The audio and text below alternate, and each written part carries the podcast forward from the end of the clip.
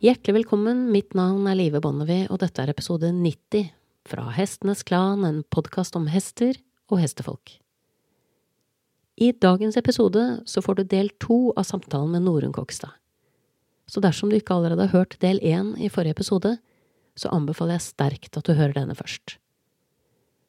For å ta opp tråden fra sist, så er Norunn psykodynamisk psykoterapeut, forsker og lege med spesialisering i psykiatri og grunnen til at jeg ville ta en prat med henne, er at hun lar hestene på gården få ta aktiv del i det som ofte omtales som hestefasilitert terapi. I denne episoden skal vi blant annet se nærmere på hva som skjuler seg bak termene knyttet til fagfeltet. Og et av begrepene vi kommer inn på, er begrepet dialektisk atferdsterapi. Jeg velger å nevne dette innledningsvis, fordi det ikke er så intuitivt at dette på fagspråket forkortes med DBT som er utledet fra det engelske Dialectical Behavior Therapy. Tenker også det kan være greit å ta med seg noen kjappe stikkord om hva DBT er. DBT er en terapiform som har som mål å hjelpe oss med å sette grenser og regulere sterke og vanskelige følelser, og å takle stress. Og målet med terapien er blant annet å bli i stand til å tenke klart i situasjoner der man er lett for å bli overveldet.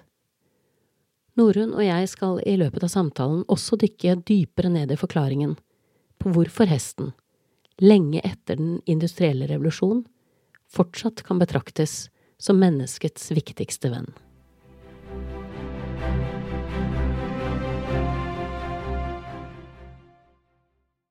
Vi snakker jo om psykoterapi, eller psykodynamisk psykoterapi. Mm. Og jeg er jo ganske familiær med de begrepene. Mm. Men det skulle vært godt likevel å hørt deg som fagperson si litt tydelig hva er, hva er det? Gjerne. Ja. ja. Uh, da syns jeg det er veldig fint å sitere store Siri Gullestad, som uh, sier at uh, ja, psykoanalytisk eller psykodynamisk psykoterapi har jo på en måte tre grunnpilarer. Og det er jo en teori om personlighet, utvikling, en terapi, teori om patologi, personlighetsutvikling, og en teori om behandling. Og Eh, det for meg er eh, utrolig spennende. Fordi veldig mye annen psykoterapi har jo ikke fundamentet, det har ikke teori på hvordan ting har utviklet seg. Og så innenfor psykodynamisk og psykoanalytisk psykoterapi så jobber man med overføring og motoverføring. Man jobber med altså det å være i rammene av hva bringer du med deg inn i en samtale? Hvilke opplevelser, hvilke verdier? Hva har du med deg fra livet ditt? Hvilke personer er det som på en måte har gjort et inntrykk på deg? Hvilke øyne er du blitt sett av? Og det kommer du med inn i møtet med meg. Og umiddelbart så vil noe av det som skjer mellom meg og deg, vil farges av våre tidlige opplevelser.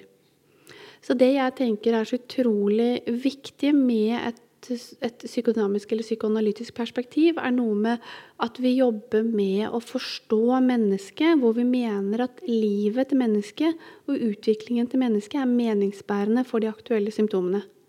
Og så jobber vi med det ubevisste. Oh. Mm. Mm. Um, er det riktig å si, sånn som jeg alltid har tenkt, at uh, Det kjennes veldig ledende ut å si det sånn, men hvis det bevisste er toppen av isfjellet, så er det mm. ubevisste resten? Ja, ja. Altså at det er en ganske stor del av oss som befinner seg der? Mm, mm. Ja, det er jo en veldig stor del av oss. Vi vet, vi vet jo ganske mye om at eh, det, det, er veldig lite vi egentlig klarer å holde i bevisstheten. I forhold til hvor mye vi klarer å lagre som ikke er til enhver tid bevisst. Men det er også eh, et enda mye større begrep. Det, det er jo på en måte begrepet på hvem vi er. Og hvilke, ja, hvilke, hvilke linser er det vi ser oss selv og verden gjennom? Jeg hørte hørte jeg her om dagen en podkast om Rorschach-metoden. Og Rorschach-metoden er jo en sånn blekkfleker på et ark. Og så ut fra det så, så Altså, det vi tolker av de blekkflekkene, kan si veldig mye om hvordan vi tolker verden. Og det interessante er jo at, et, altså et, enhver annen utredning, selvutfyllingsskjema altså Alt annet er jo selvrapportering. ikke sant? Når du sitter hos en eller annen lege og får noen spørsmål, så svarer man jo 'jeg syns at jeg er trist', 'jeg syns at jeg er glad', 'jeg syns at jeg har vanskeligheter med ting'. ikke sant? Og så ser man jo at korrelasjon mellom brorsak og selvut, altså selvrapporteringsskjemaer er null. Noen har mer innsikt i hvem de virkelig er utad i verden, og noen har veldig mye mindre innsikt i hvem de mener at de er utad i verden. Og ingen av delene er 100 korrekt. Men det sier noe om at det vi rapporterer, er sjelden hele sannheten. Og i møte med hestene så, så, opplever jo jeg at veldig mye av på en måte det ubevisste, det som virkelig er kjernen, hvordan vi er, kommer raskt til syne sammen med hesten. Jeg har jo hatt pasienter i samtalearbeid i tre år som så kommer ut sammen med hestene, og det utspiller seg der. Det som vi har brukt tre år på å på en måte begynne å kjenne overflaten av. Det kommer Altså, det er helt fantastisk å se hvordan interaksjonen bare er der. Og så skal man liksom måtte forklare for folk hvorfor man driver med hest. Ja, liksom. ikke sant. Ikke sant. Altså, ikke sant? Det blir jo så mye klarere også når man For du, du, du kommer jo inn i dette med, med det faglige. Mm. Jeg er jo på en måte mer inne i det med det bare rent emosjonelle. Mm. Men du kommer jo inn med, en, med, noen forklaringer og noen litt større på en måte perspektiver Mm, mm, på hva det er som gjør at også i faser hvor man er sårbar i livet, at stallen er som da en honningkrukke, og det er vi som er biene. Altså at vi, vi drar dit for å overleve, vi drar dit for å holde oss i balanse.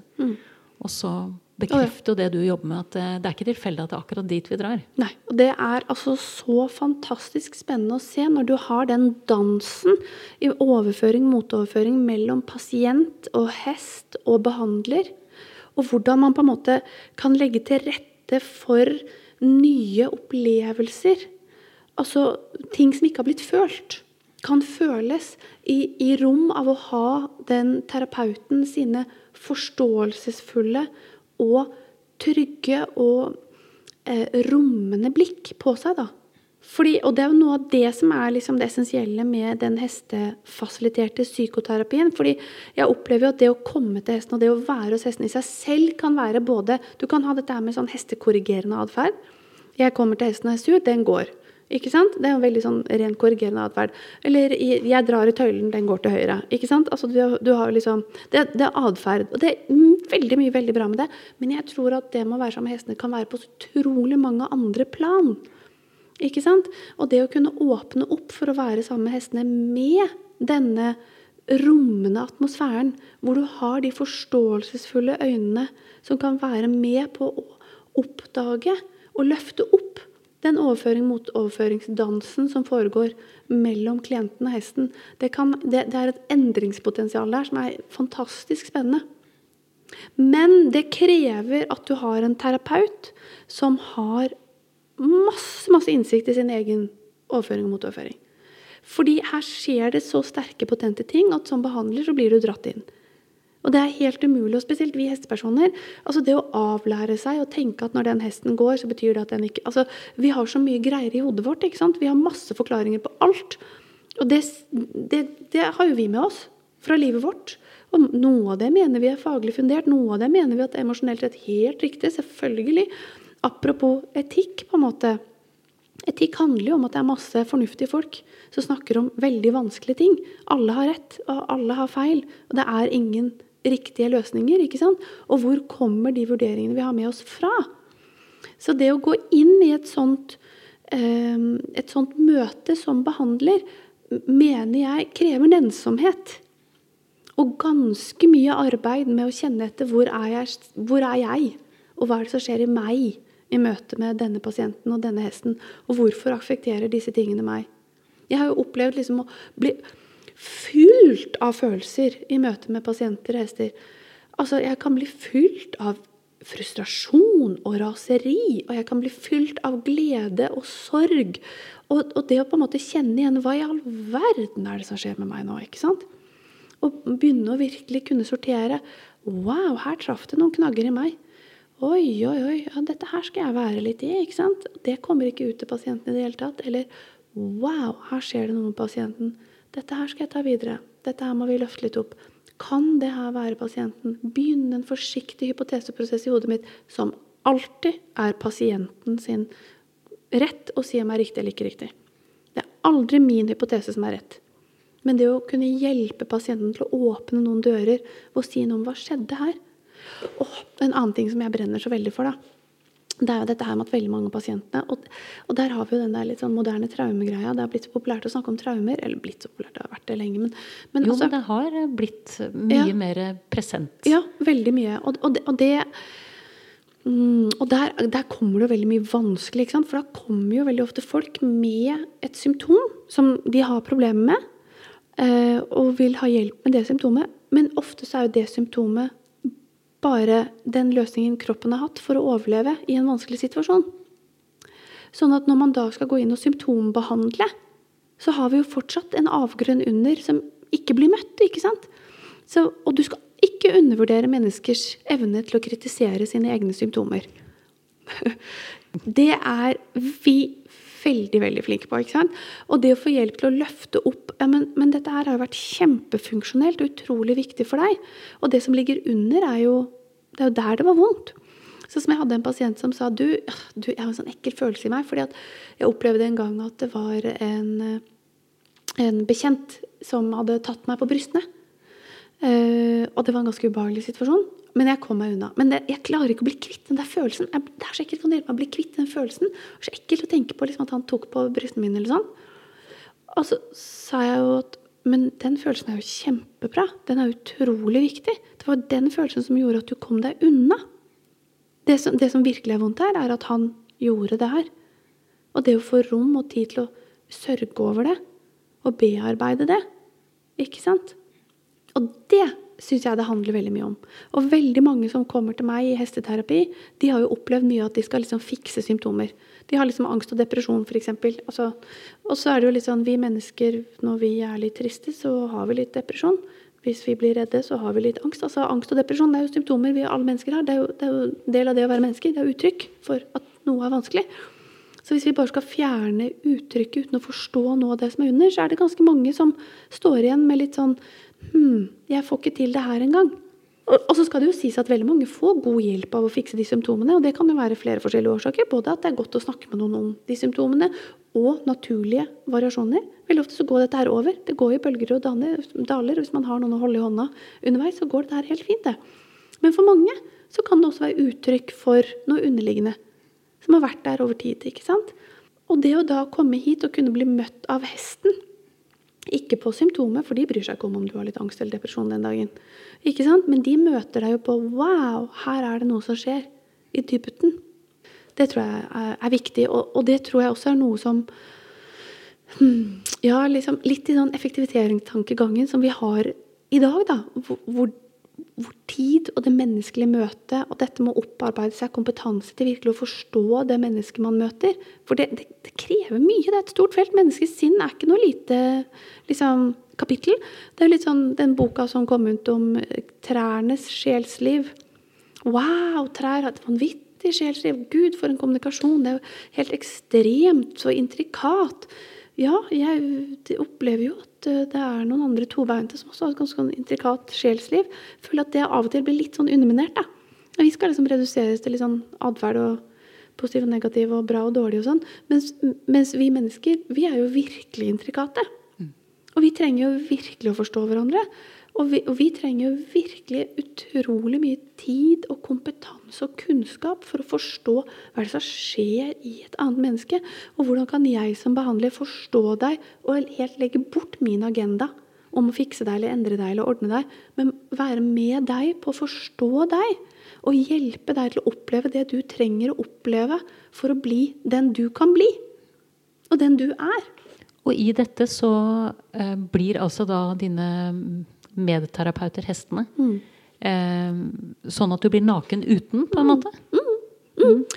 Og, og det er jo veldig fascinerende, altså, fordi at eh, jeg har jo opplevd det igjen og igjen, ikke sant. Å ha pasienter som går ut og møter hestene, og så er det akkurat som mye av liksom forsvarsverket og liksom behovet for å beskytte seg bare roer seg.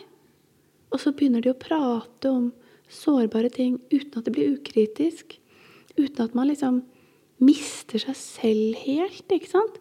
Men det er akkurat som hesten ja, i liksom faglige termer noen ganger går inn og har en egostøttende funksjon. Altså, noen ganger så kan det være fordi det er jo noe med at det å oppleve tidlig avvisning eller overgrep, eller liksom den skylden og skammen som mange sitter med for det de har opplevd og vært igjennom og har følt, ikke sant um, Det å snakke om det, det er et sånt emosjonelt korrigerende miljø opplevelsestema, at, at, det kan begynne å endre seg når man på en måte begynner å skjønne at vi har naturlige reaksjoner på unaturlige hendelser. Sånn. Men sammen med hesten så får du oppleve det.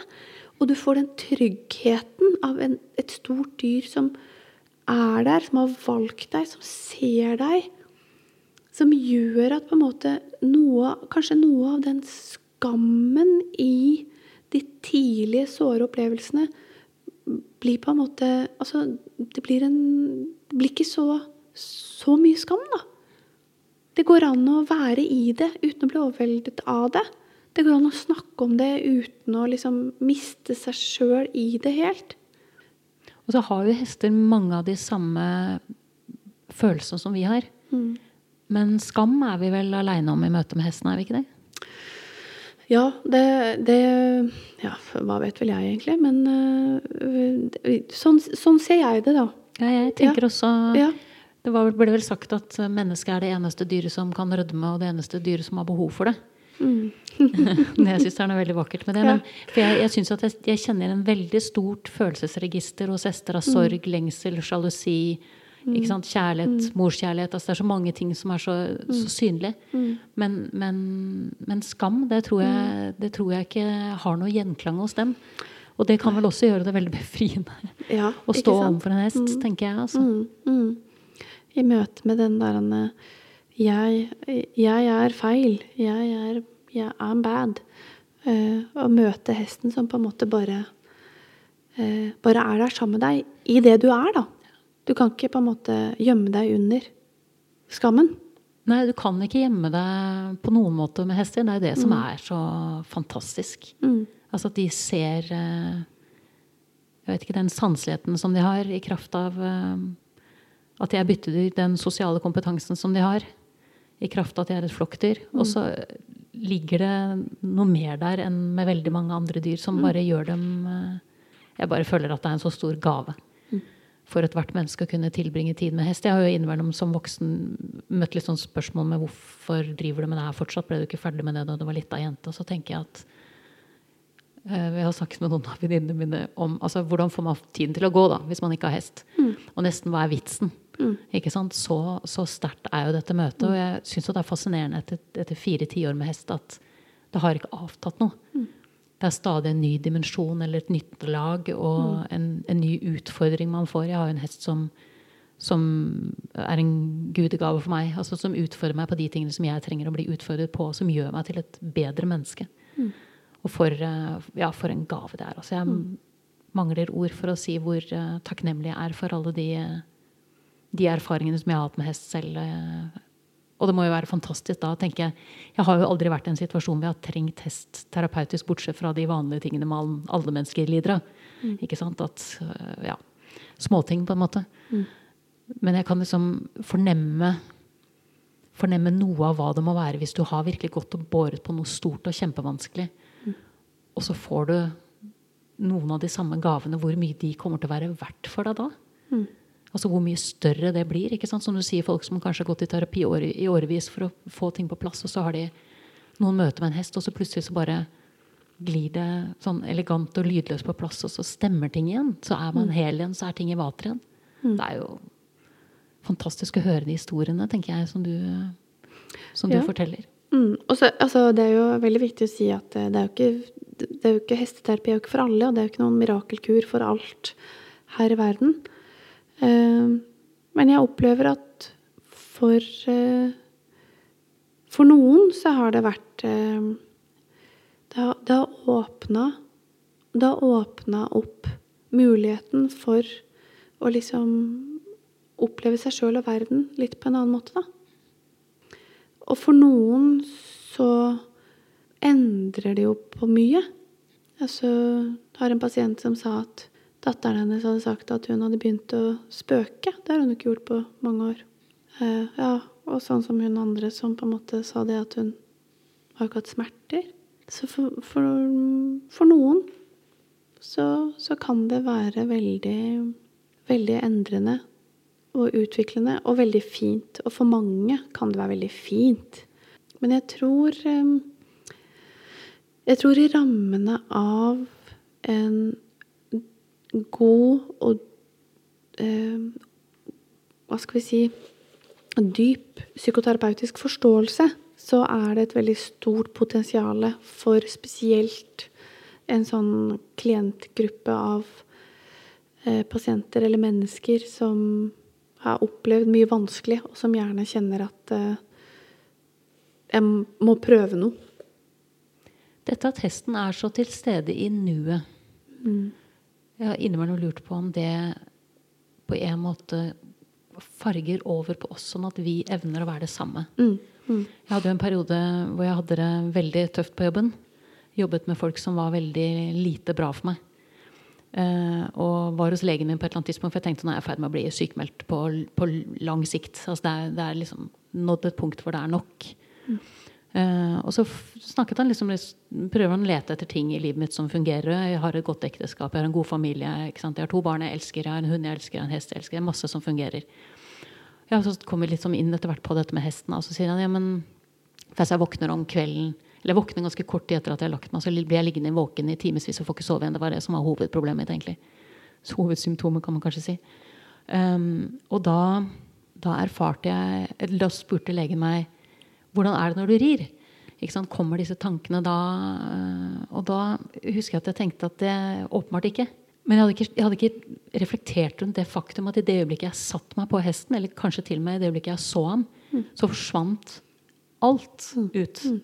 Og det kom ikke tilbake da før kanskje lenge etter at jeg hadde kommet tilbake fra stallen. Altså, som hesten på en måte blåste magisk alle disse tankene, all den støyen, alle de tankevirusene bort. Mm. Og så var det bare meg og hesten. Så slo det meg at jeg er bare med ham. Mm. Og da var det ikke plass til alt det negative. Mm. Og hvor mye det hadde å si at jeg hadde muligheten til å dra til stallen og bare være med ham. Og så hadde jeg også en sånn uro på at ok, men hvis jeg kommer til stallen med masse svarte skyer over hodet, ikke sant, at det kan være ugreit å på en måte gi det videre til hesten min. Men jeg tror mer og mer erfaringen min var at i det øyeblikket jeg traff han, så var de allerede borte. da. Mm. Og så var vi på en måte et helt annet sted, han og jeg sammen. Og for en velsignelse det var i den perioden. Mm. Liksom tenkte at uh, jeg vet ikke hvordan jeg hadde klart det uten. Da hadde jeg kanskje måttet sykemelde meg.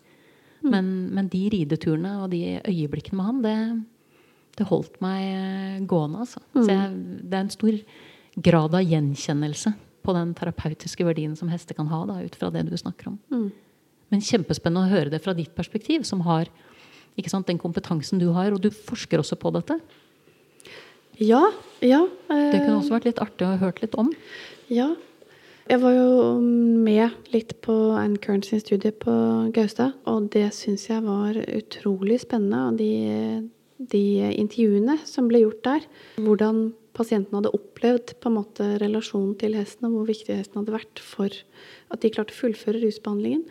Og så de store dataene som viste at det var jo en vanvittig høy andel av de som hadde vært innom stallen, som klarte å fullføre rusbehandlingen, kontra de som ikke var innom det. Det var noe sånn som 14-50% eller noe sånt. Så vi har gjennom noen år nå eh, sett på å bygge opp et forskningsprosjekt rundt dette her med implementering av hesteterapi i psykoterapi.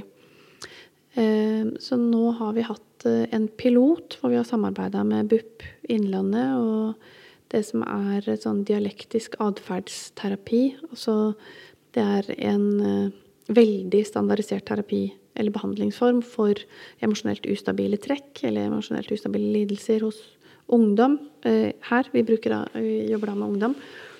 Bruk, jobbes også med hos voksne, da, men i forskningsprosjektet vårt jobber vi med ungdom. Um, hvor vi da har sett på hvordan det vil være for en gruppe som får DBT som standardisert. Også en gruppe som får DBT standardisert, men også hesteterapi ved siden av. Så se på om, om det da vil føre til at de vil få Eh, ha lettere for å gjennomføre og eh, ha bedre utbytte av DBT-en, da. Så vi eh, har jo fått midler via Sykehuset Innlandet og Svensk-norsk hesteforskning, Norsk forskningsråd. Så vi starter opp prosjektet i august 2022. Men vi kjørte piloten i fjor i 2021, da. Og da hadde vi bare to deltakere. som var med over tre ganger. Men det var, var, spennende i seg selv. Og det var to deltakere som hadde hatt ja, noen utfordringer med å, å, møte opp på DBT-behandling fra før av. Men eh, når de begynte med hesteterapi, så hadde de i hvert fall 100% oppmøte på hesteterapi. Eh, og de bestemte seg også for å fullføre DBT-en, og begge to ga uttrykk for at de da fikk god nytte av DBT-en. Og begge to ga uttrykk for at de hadde hatt eh, veldig stort utbytte av hesteterapien. Eh, hun ene ga uttrykk for ganske stor frustrasjon over at hun ikke fikk mer hesteterapi. Når hun først hadde funnet noe som funka, så var det jo frustrerende at man ikke kunne få mer av det.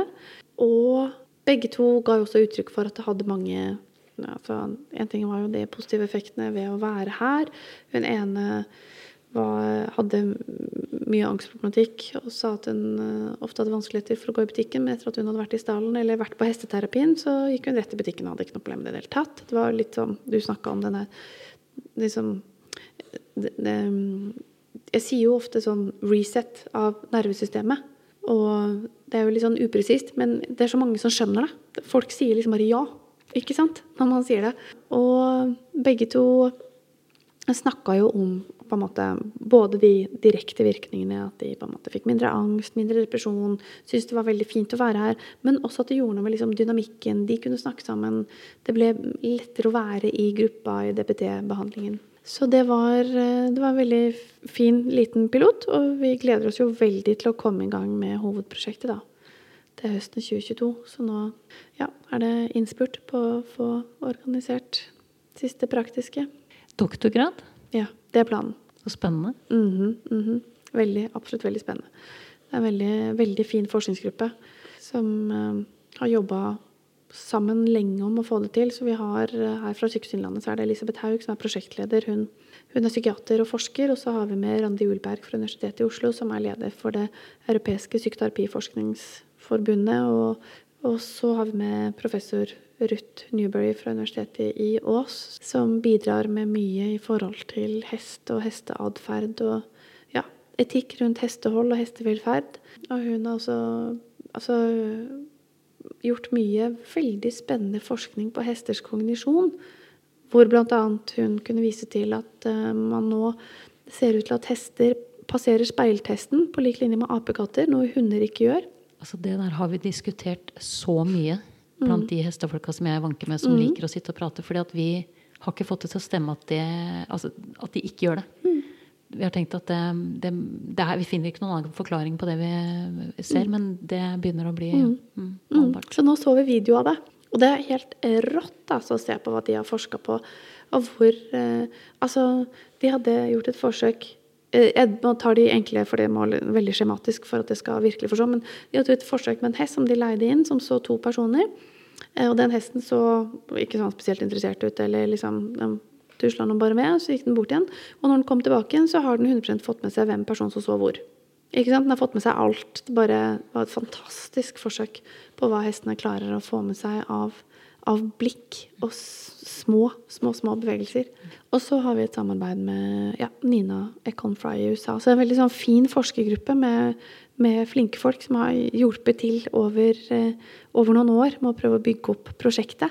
Så vi håper jo nå Vi har en veldig godt samarbeid med BUP Innlandet. Så vi håper jo på at dette her skal gå, gå, ganske, gå ganske, greit. Men det er jo alltid litt sånn med forskningsprosjekter at det tar tid med datainnsamlingen. Og vi regner jo med at man må ja, holde på litt. Når er det jeg kommer tilbake hit og snakker med deg om resultatene, da? Ja, ikke sant. Ja. Vi håper jo at innen to år at vi kan begynne å få noe, da. For det tenker jeg er en samtale som jeg svært gjerne vil komme tilbake til. Mm, mm.